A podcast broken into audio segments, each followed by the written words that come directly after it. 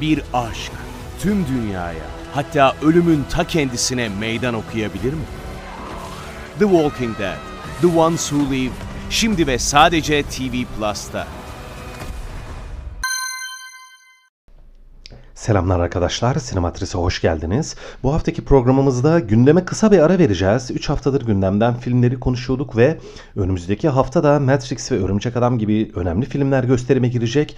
O nedenle ilerleyen haftalarda o filmleri konu edineceğiz diye düşünüyoruz ve bu hafta küçük bir boşluk bulmuşken sinemasal açılımlar dosyamıza devam edelim dedik.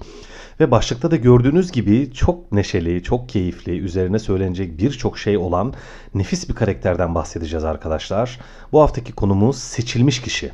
Seçilmiş kişi çok farklı coğrafyalarda, farklı zamanlarda, tarihlerde, farklı öykülerde karşımıza geliyor. Ama aslında bu filmlerin hepsi hemen hemen aynı öyküyü anlatıyor arkadaşlar. Seçilmiş kişi gerçekten istediğimiz coğrafyada diyorum, istediğimiz zamanda, tarihte, farklı dönemlerde, farklı toplumlarda karşımıza gelse de aslında aynı kişi benzer sorunlarla uğraşıyor, benzer iç ve dış problemlerle başa çıkmak zorunda kalıyor. Çok güzel, çok neşeli bir karakter seçilmiş kişi. Seçilmiş kişiden bahsederken hangi filmlerden örnek vereyim diye şöyle bir arşive bakayım dedim. Ya inanın o kadar nefis, o kadar harika filmler var ki hangisinden bahsetsem olur. İnanın karar veremedim. Ama o filmlere ve o filmlerdeki seçilmiş kişilere girmeden önce arkadaşlar şöyle ince bir, bir biraz konu dışı bir şey söylemek istiyorum size.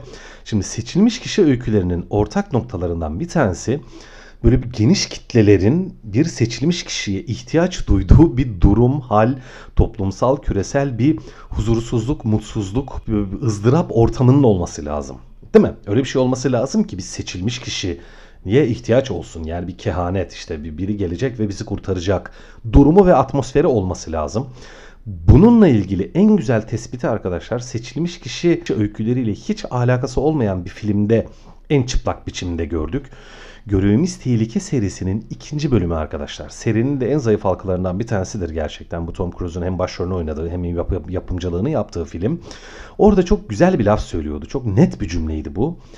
Diyordu ki bir kahraman yaratabilmek için önce bir düşman yaratmanız gerekir. Şimdi bakın bu çok ince bir nokta. Aslında seçilmiş kişi öykülerinin ortaklığı ortada bir düşmanın var olması gerektiği arkadaşlar. Savaşılması gereken bir hani bir kötücül bir gücün Şimdi ilginç olan da şu. Demek ki bu kötücül güçle baş edemeyen bir toplum, bir grup, birileri var ki bir seçilmiş kişinin varlığına ihtiyaç duyuyorlar. İşte bunun üzerine kehanetler dile getiriyorlar. İşte öyküler, romanlar yazıyorlar belki.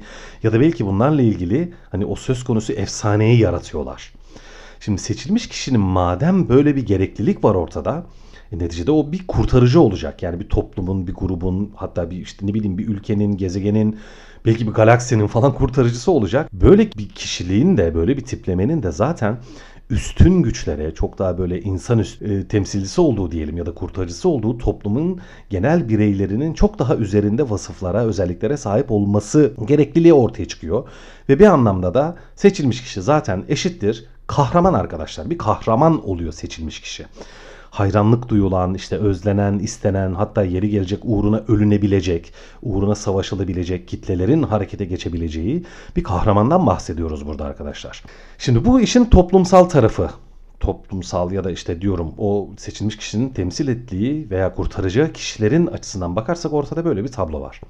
Ancak olaya seçilmiş kişi açısından baktığınız anda hiç de öyle hayranlık uyandırıcı, öyle kah çok da kahramanca, çok da böyle ilgi duyulası, sevilesi harika bir e, tablo karşımıza getirmiyor. Neredeyse bütün seçilmiş kişiler arkadaşlar o yüklendikleri sorumluluğun altında eziliyorlar. Neredeyse bunun olmadığı seçilmiş kişi filmi yok gibi bir şey.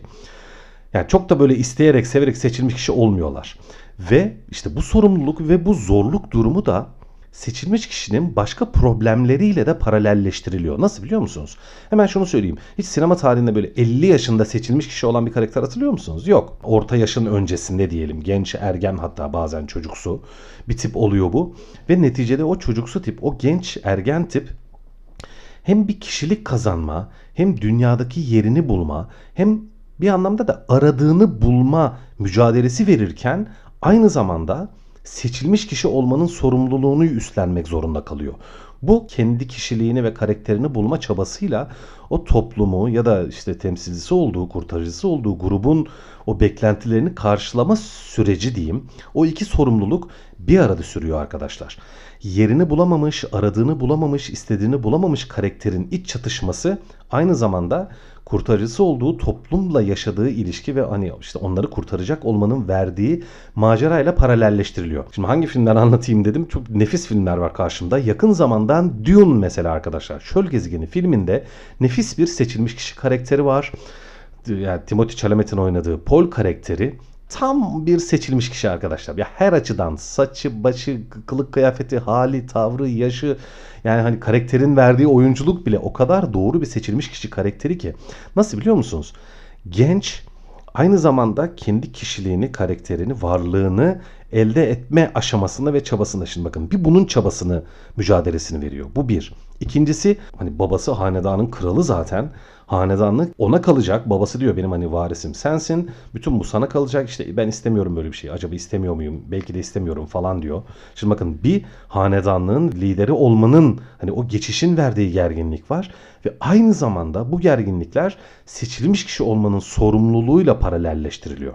Şimdi bu çok güzel bir şey. Bu hemen hemen bütün seçilmiş kişi öykülerinde var başka bir seçilmiş kişi öyküsü olarak bir de arkadaşlar pardon şu noktayı da söylemem lazım. Şimdi seçilmiş kişi öyküleri de aslında biraz ikiye ayrılıyor. Nasıl biliyor musunuz?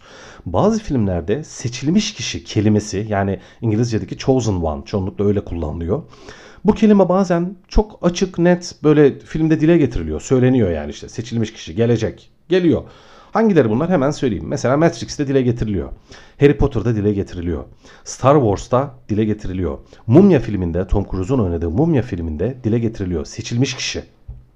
Ama bazı filmlerde de tam olarak bir seçilmiş kişi karakteri e, filmin içerisinde olmasına rağmen, filmin baş karakteri olmasına rağmen bu direkt olarak dile, dile getirilmiyor ama bu filmlerde tamamen aynı potada düşünülebilir. Bunlara da hemen iki tane çok güzel örnek vereceğim. Bir tanesi Dövüş Kulübü, bir tanesi de Truman Show arkadaşlar. Buradaki baş karakterler de çok net birer seçilmiş kişi aslında. Konuya geri döneyim. Şimdi bu karakterlerin karşısında hem kendi yerini bulma, kişiliğini bulma, kendini tanımlama süreci var. Bunun mücadelesi var.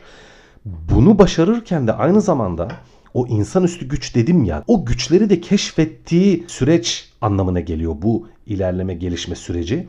Zaten o güçleri kullanmaya başladığında onu becermeye başladığında da karakter o seçilmiş kişi vasıflarına sahip olduğunu fark ediyor, anlıyor ve o kahraman kimliğine bürünüyor arkadaşlar. Dune'da mesela hani finale doğru bir dövüş sahnesi falan vardır. Hani izlemeyen arkadaşlar için spoiler vermeyeyim. Orada mesela karakter beklenmeyen bir güç gösterisi ortaya çıkarıyor.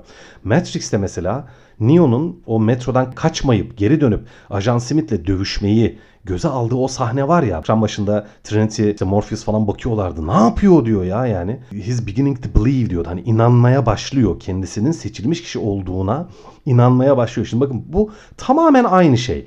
Başka bir şeyden örnek vereceğim. Mesela Truman Show filminde. Truman Show herhalde artık herkes izlemiştir. Bu filmle ilgili spoiler verme kaygısında olmamıza gerek yok.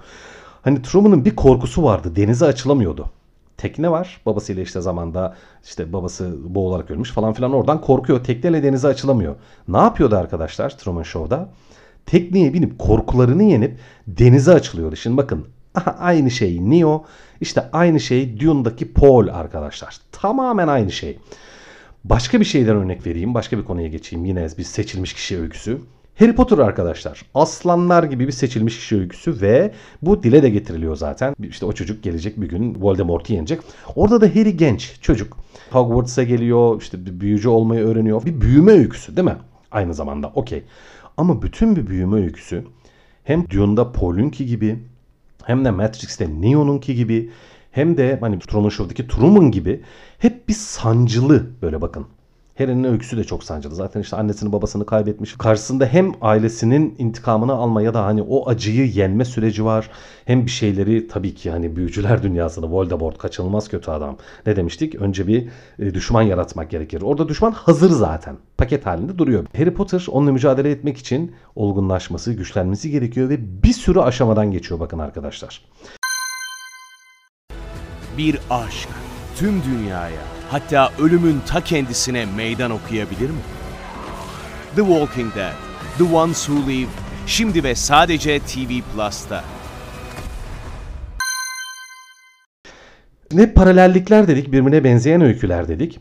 Bu öykülerin yine hemen hemen hepsinde karakter hem kendisini hem üstün güçlerini hem de bir kahraman olduğunu, bir seçilmiş kişi olduğunu fark etme sürecinde belli engelleri aşıyor, belli sorulara cevap veriyor, problemleri çözüyor falan. Bir aşamaya kadar geliyor. Güçleniyor, güçleniyor, güçleniyor. Artık seçilmiş kişi olduğu anlaşılacak. Kendisi de seçilmiş kişi olduğunu kabul edecek ve onu tam olarak tescillemek demek zaten onu seçilmiş kişi olarak gören e, grubun ve topluluğun kurtarılması anlamına geliyor. O süreç o şekilde ilerliyor her zaman tek bir kırılma noktası var arkadaşlar. Temsilcisi olduğu, kurtarıcısı olduğu toplumu kurtarmasından ve seçilmiş kişi olduğunu ispatlamasından bir adım önce tek bir aşamayı daha atlatması gerekiyor. Onu da çok ilginç bir biçimde yine bu hemen hemen bütün filmlerde var. Sevdiği kadın sayesinde oluyor arkadaşlar. O aşamaya kadar geliyor. Şimdi bakınız hemen isim. Dövüş kulübünde bu da bir, bir anlamda seçilmiş kişi öyküsüdür. Biraz antisi gibidir ama bakın ondan da an, anlatacaktım ama hani diğer filmlere takıldım. Dövüş kulübünde de aynı şey var. Dövüş kulübünün baş karakteri olan anlatıcının itkisi, onun yakıtı hangi karakter arkadaşlar? Marla, bir kadın. Truman Show'da Truman o adadan hangi niyetle ayrılmayı göze alıyor arkadaşlar? Aşık olduğu Lauren Fiji'ye gitmişti. Onu bulmak için, onu yakalamak için adadan çıkmayı göze alıyor. Matrix, Neo son anda ölmek üzereyken onu ölümden döndüren ne oluyor arkadaşlar? Trinity'nin öpücüğü. Bakın dikkat edin. Başka bir film Dark City, Gizemli Şehir arkadaşlar. Matrix'ten hemen önce gösterime girmiş bir öncü Matrix olarak görülen ve o da nefis bir ve harika bir seçilmiş kişi öyküsüdür aslında. Diyorum bakın hani çok çok film var. Hani hangisinden bahsedeyim bilmiyorum ama hani bu kadınlardan hani o seçilmiş kişi genelde de bir erkek oluyor diyorum. Bir tane istisna var ondan da birazdan bahsedeceğim. Seçilmiş kişi öykülerinde hep bir erkek karakter e, chosen one oluyor ve onun esas yakıtı, onu esas seçilmiş kişi kılan son adım hep sevdiği kadın oluyor dedim ya işte.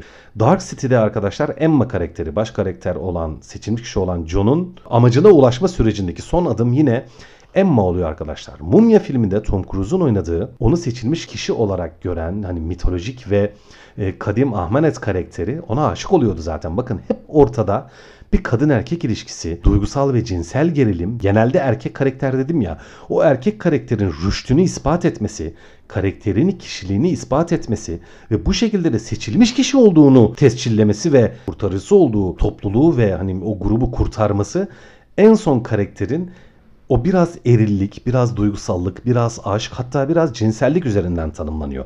Şimdi bakın bu biraz can sıkıcı bir şey aslında.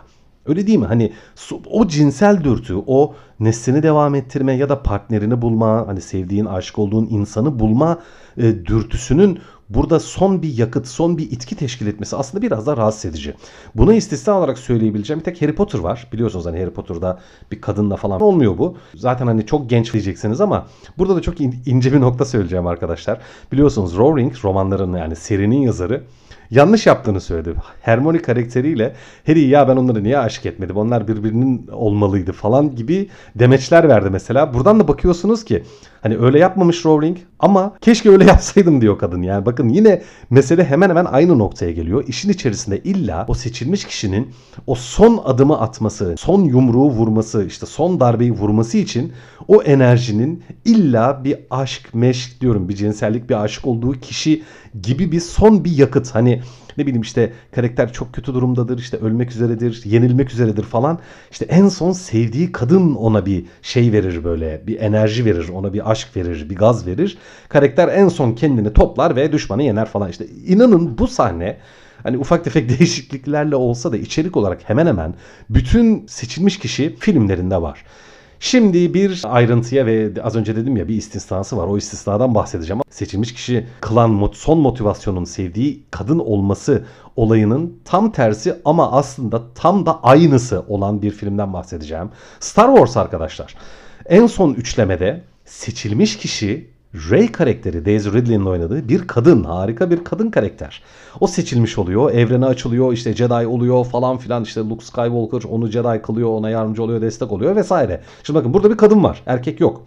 Çok nadirdir gerçekten seçilmiş kadın karakteri. İşte burada da karşı taraf var arkadaşlar. Kylo Ren, Adam Driver'ın oynadığı kötü karakter. Darth Vader'ın günümüzdeki e, yansıması diyelim. Kylo Ren karakteriyle zaten üçleme boyunca karşılıklı bir etkileşim içerisindeydiler. Bakın dikkat edin. Yani baş karakter kadın da olsa erkek de olsa ona o son enerjiyi veren, ona o gücü veren sevdiği insan olsa da evet bazen o sevdiği insan aslında düşmanınız da olabiliyor. Yani yansımanız da olabiliyor ve o yansımanız sizin seçilmiş kişi olarak size yüklenen sorumluluğu üstlenme çabanıza o kadar saygı duyuyor ki bakın tam olarak Star Wars'taki budur. Sizin tarafınıza geçiyor. Şimdi bakın o Star Wars'ta bir Kylo Ren Rey'e diyordu ki hani sen gel birlikte işte galaksiyi alalım. O da ona diyor ki hayır sen benim tarafıma geleceksin. Şimdi bakın bu çok nefis bir gerilimdi orada. Bakın yine aslında aynı noktadan besleniyor. Aynı çıkış noktasından besleniyor. İşte bu Star Wars'ta da bu sefer iyi taraf seçilmiş kişinin seçilmiş kişi olma e, motivasyonu, o duygusu, o hırsı, o isteği, o azmi karşı taraftaki kötü o düşman dedim ya önce bir düşman yaratmak gerekir dedik ya seçilmiş kişi için bir kahraman yaratmak için onu karşı tarafa geçirecek kadar güçlü oluyor ve filmde yanında başka karakterler var. İşte Poe var, Finn var. Bunlar hep dostları onun. Hepsi de yakışıklı, güzel adamlar böyle. Hiç aralarında duygusal ya da cinsel bir gerilim olmuyor. Bakın dikkat edin. Onlarla hep dost, arkadaş, kardeş, canım ciğerim sürekli bir aradalar. Ama Kylo Ren'le en başından beri arasında öyle bir etkileşim var arkadaşlar.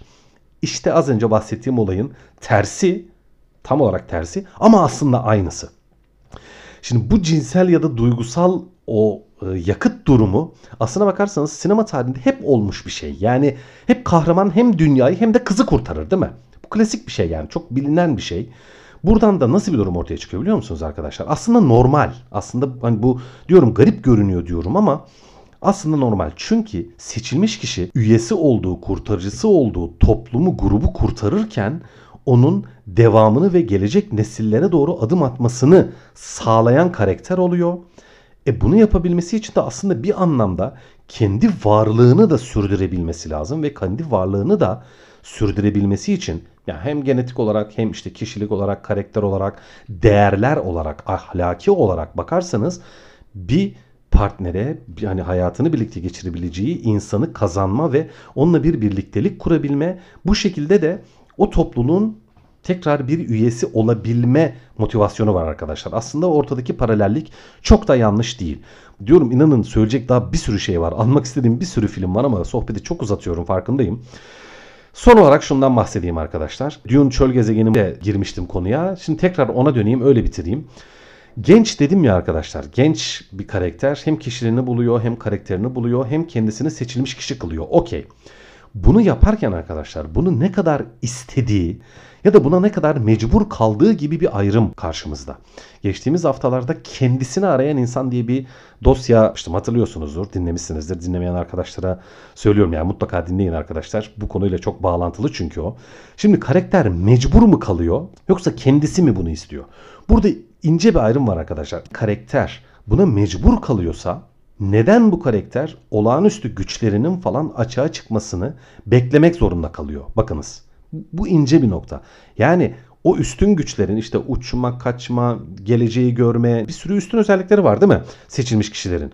O özellikler mutlaka arkadaşlar hayati bir risk söz konusu olduğu takdirde ortaya çıkıyor. Yani bir içgüdü gibi ortaya çıkıyor. Bu da şu demek siz seçilmiş kişiyi hiçbir zaman yani işte sen seçilmiş kişisin, aslansın, kaplansın, bizi sen kurtaracaksın falan diyor olsanız da ve karakter bunu defalarca kez sizden dinlemiş olsa da buna kendisi direkt olarak inanamıyor arkadaşlar. Yani aslında seçilmiş kişi olmak ya da en azından seçilmiş kişinin vasıflarına sahip olmak bir irade meselesi değil arkadaşlar. Mecburen ortaya çıkan bir şey ve bu mecburiyette ancak hayati risk söz konusu olduğunda yani ölecek karakter yani başka çaresi yok. Ölecek. Ya ölecek ya seçilmiş kişi olacak. İşte bu da söz konusu seçilmiş kişinin kurtarıcısı olduğu toplumun varoluş mücadelesiyle o kadar güzel bir paralellik ortaya çıkarıyor ki yani herhangi bir topluluk yok olma riskiyle karşı karşıya kaldığı anda içerisinden bir seçilmiş kişi çıkarıyor arkadaşlar. Seçilmiş kişi de hayatını kaybetme riski ile karşı karşıya kaldığı anda tıpkı kendi toplumunun bir refleks olarak kendisini yarattığı gibi onu seçilmiş kişi kılan vasıflarını ortaya çıkarıyor arkadaşlar. Bakınız o kadar güzel bir paralellik ki. Çünkü seçilmiş kişi zaten kurtarıcısı olduğu toplumun bir temsilcisi ise onun içerisinden çıkmış olağanüstü bir karakter, kişilik olarak bize sunuluyor. Tıpkı seçilmiş kişiyi var eden insanüstü vasıflar gibi arkadaşlar. Oh evet gerçekten anlatacak çok şey var ya bitiremedim. Daha hani aldığım notlar arasında birçok ayrıntı var ama belki de seçilmiş kişi üzerine bir program daha yaparız diyeceğim ama önümüzdeki hafta diyorum Örümcek Adam ve Matrix bölümleri var. Onlardan konuşacağız. Evet bu haftalık bu kadar. Sinemasal açılımlar dosyasına ilerleyen haftalarda devam edeceğiz. Gündemi tutarak tabii ki arkadaşlar. Tekrar teşekkür ederim. Görüşmek üzere. Bir aşk tüm dünyaya hatta ölümün ta kendisine meydan okuyabilir mi? The Walking Dead, The Ones Who Live şimdi ve sadece TV Plus'ta.